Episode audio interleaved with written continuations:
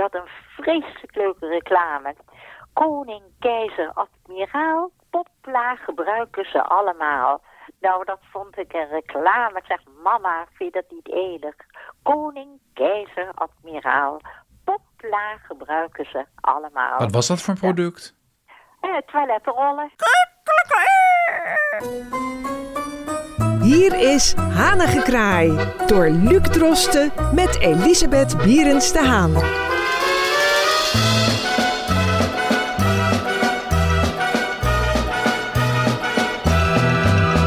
Welkom bij Hanengekraai. Dit is de wekelijkse rubriek met aan de telefoon Elisabeth Bierens de Haan. Die is 85, mevrouw Bierens de Haan. En u bent dus 15 jaar ouder dan in Nederland het fenomeen televisie is. Wat vandaag het onderwerp is van de podcast. Ja, klopt. Keek u al televisie toen u 15 was, dus toen het begon? Nou, toen de televisie kwam, die stond in de Vondelpark. En eh, iedereen kijken. Televisie, wat was dat? Een, een toestel, zwart-wit, met grote knoppen. Het was een belevenis.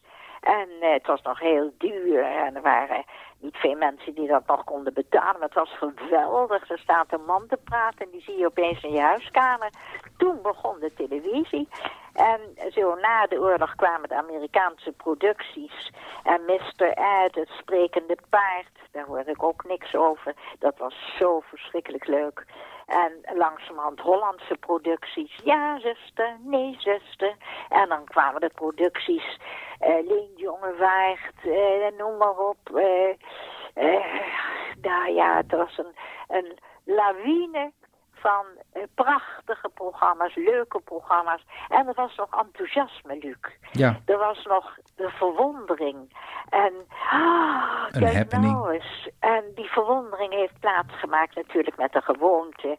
En eh, ik zou zeggen, ik raak dat helemaal niet af zoals het nu is. Maar het is een soort behang geworden. Een Ja. heleboel kennissen hangen die dingen gewoon aan, aan het plafond. Ik heb een schilderij en zij hebben de tv daar hangen. Ja. En eh, die is daar gewoon aan de muur geplakt. Die Ja. hangt daar.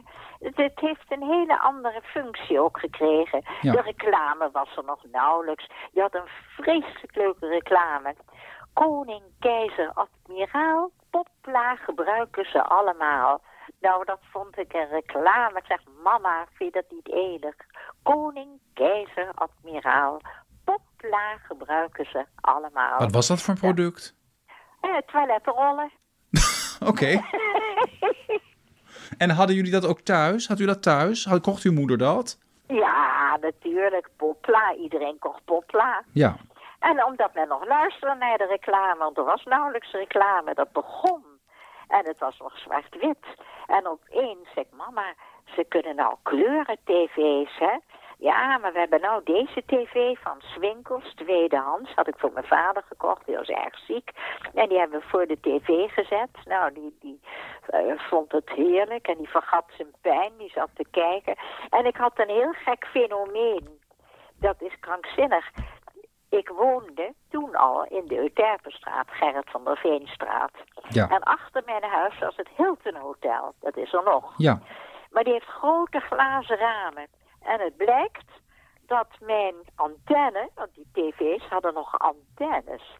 Die ging door naar het dak. Dus het, ik heb foto's nog dat het hele dak vol met die spriet is. Die ving op signalen via de ruiten van het Hilton Hotel. Oh, Dus ik kreeg smiddags Rusland, vergaderingen uit Moskou wat enig. en vergaderingen uit Barcelona.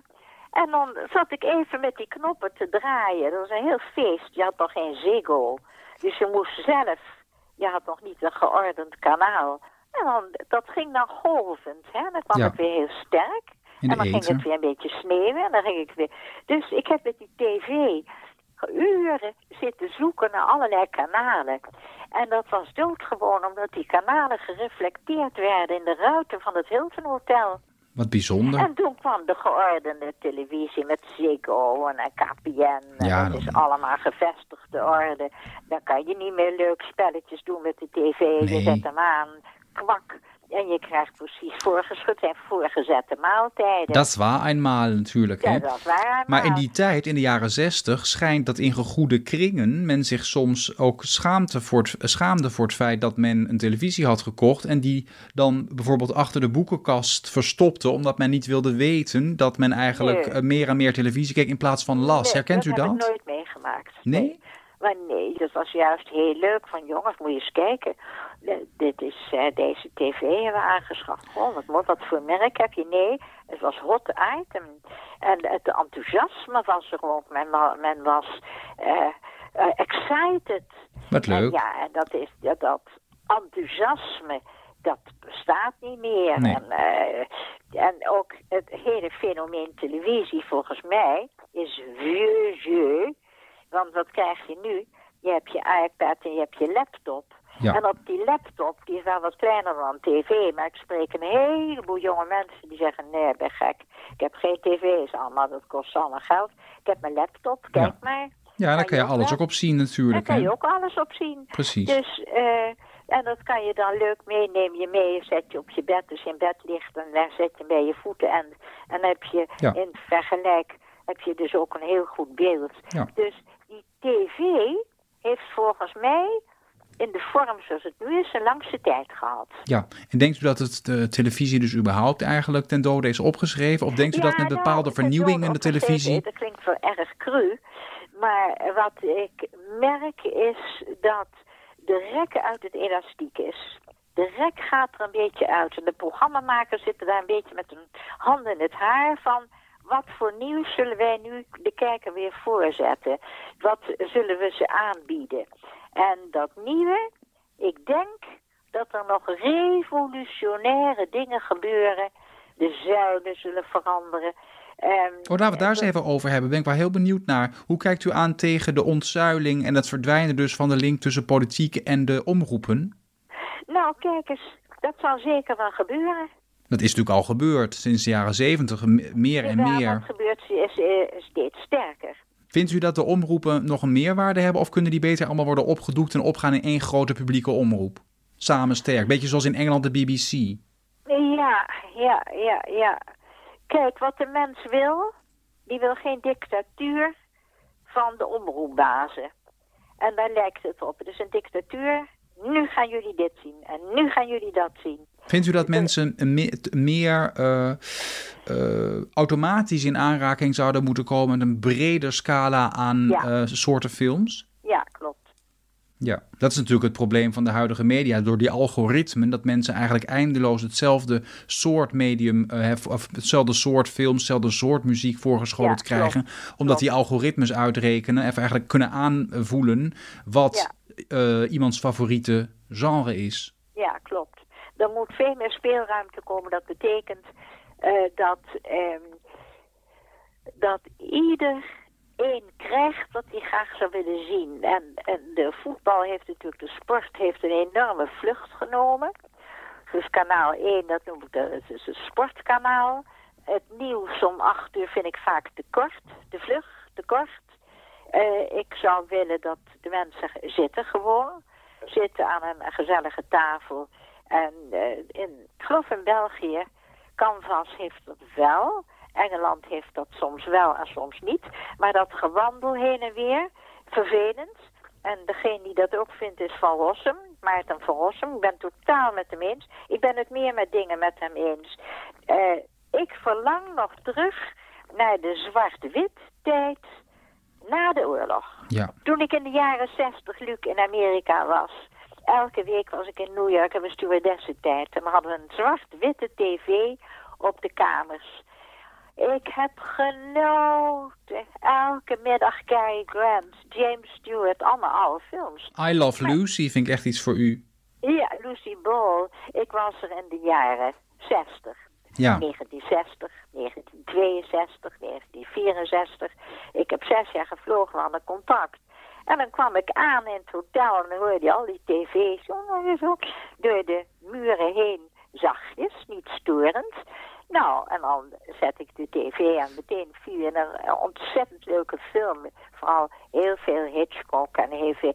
Allemaal eh, Marilyn Monroe, Marlene Dietrich, En ja, dan uh, dat element miste ik toen al toen ik in New York kwam van wat is dit enig, wat leuk. Ja. Zijn moeder, ik heb zulke leuke dingen gezien. En dan kom je hier en dan, dan wordt het een beetje afgekneed. Van nee, dit kan niet en dat kan wel. Ik zou het kunnen vergelijken, Luc, met een hele leuke vergelijking. In, in Amerika, Los Angeles, heb je heel veel bejaardenorde. Hè? En daar hebben ze autopads voor oudere mensen met een motortje erop. Dus ideaal. Dus je hebt niet meer nodig een uh, scootmobiel of iets. Je zit op zo'n autopadje, het heeft een zitje en je rijdt langs de boulevard. Het is makkelijk, je zet het neer, je kan er niet afvallen. Het heeft twee wieltjes voor, twee wieltjes achter. Het is een hip dingetje, een klein dingetje. Dat konden wij in Holland ook krijgen. Maar meneer Balkenende, die zei nee, dat mag niet, kan niet. Kijk, en dat is met de televisie nou precies hetzelfde. Ik wil een autopad met wieltje voor, wieltje achter. En ik wil dat in Nederland. Maar dat kan niet. Nee. Want dat is veel te gevaarlijk. En daarom hebben we dus hebben we de scootmobiel. En we hebben, ik heb uh, de rollator natuurlijk, omdat ik niet meer jong ben. En dat is mijn grote hulp. Maar ik verlang nog naar een autopad met motor. Ja. Maar dat mag niet van de politiek. En dat element wat uh, de Hollander nou eenmaal in zijn, in zijn aard heeft... Ik zou wat meer losse speelruimte willen hebben uh, voor elk wat wil. Ja, voor elk wat wil. We hebben dan Netflix, hoor, dat is allemaal ook geprogrammeerd. Maar ja, weet je, dat is de aard van het beestje. Dus ik verlang vaak naar de zwart-witte tv met uh, Cary Grant. Ja. Daar verlang ik naar. Dan hebben we in Nederland sinds een jaar of dertig al commerciële televisie. In 1989 kwam uh, niet alleen Nederland 3 voor het eerst uh, zond uit, maar ook RT, RTL Veronique en daarna RTL 4. En sindsdien ja. uiteraard SBS en alle varianten daarop. Dus hè, het, het, het aanbod is enorm uitgebreid. Denkt u dat de publieke omroep uh, door de breedte van het aanbod ook te zeer slaaf is geworden van de kijkcijfers? Ja, klopt helemaal. Ja. Vindt u dat ook een, is, dat, is dat ook een verklaring volgens u voor de zepcultuur op de televisie? Ja. En het vluchtige? Het vluchtige. En is het een misvatting? Denkt u dat mensen uh, eigenlijk wel massaal snakken naar meer diepgang? Of denkt u inderdaad dat mensen weg, wegzeppen zodra oh, het uh, te langdradig wordt? raakt op. Ik moet hem neerleggen, want anders worden we verbroken. Uw batterij is op, begrijp ik. Ja. we gaan het, van de podcast. We gaan het afronden. Van deze podcast. Ik dank je, Luc, voor je liefderijke bijdrage. En ik wens u een fijne rest van de dag en avond met een uh, leuk televisieprogramma. je kan de dingen toch zo geestig zeggen, ja. Ondanks het feit dat u geen Netflix heeft. Maar dat hoeft ook niet. Nog een beetje Jiddische humor. Heeft u trouwens, ik kort de laatste vraag. Heeft u een voorkeur voor de publieke omroep of de commerciële? Kijkt u meer NPO of meer RTL en SBS? God, daar let ik niet op. Ik kijk naar het programma. Het interesseert me niet. Ik, ik zie het. Ja, hij, gaat, hij gaat weer donderjagen, die batterij. Oké, nou, dan gaan we ronden het af. Mevrouw Bieres de Haan, hartelijk dank weer en tot volgende week. tot volgende keer. Wilt u reageren? Mail naar hanigekraai.amsterdammefm.nl en uw bericht komt terecht bij mevrouw Berends de Haan.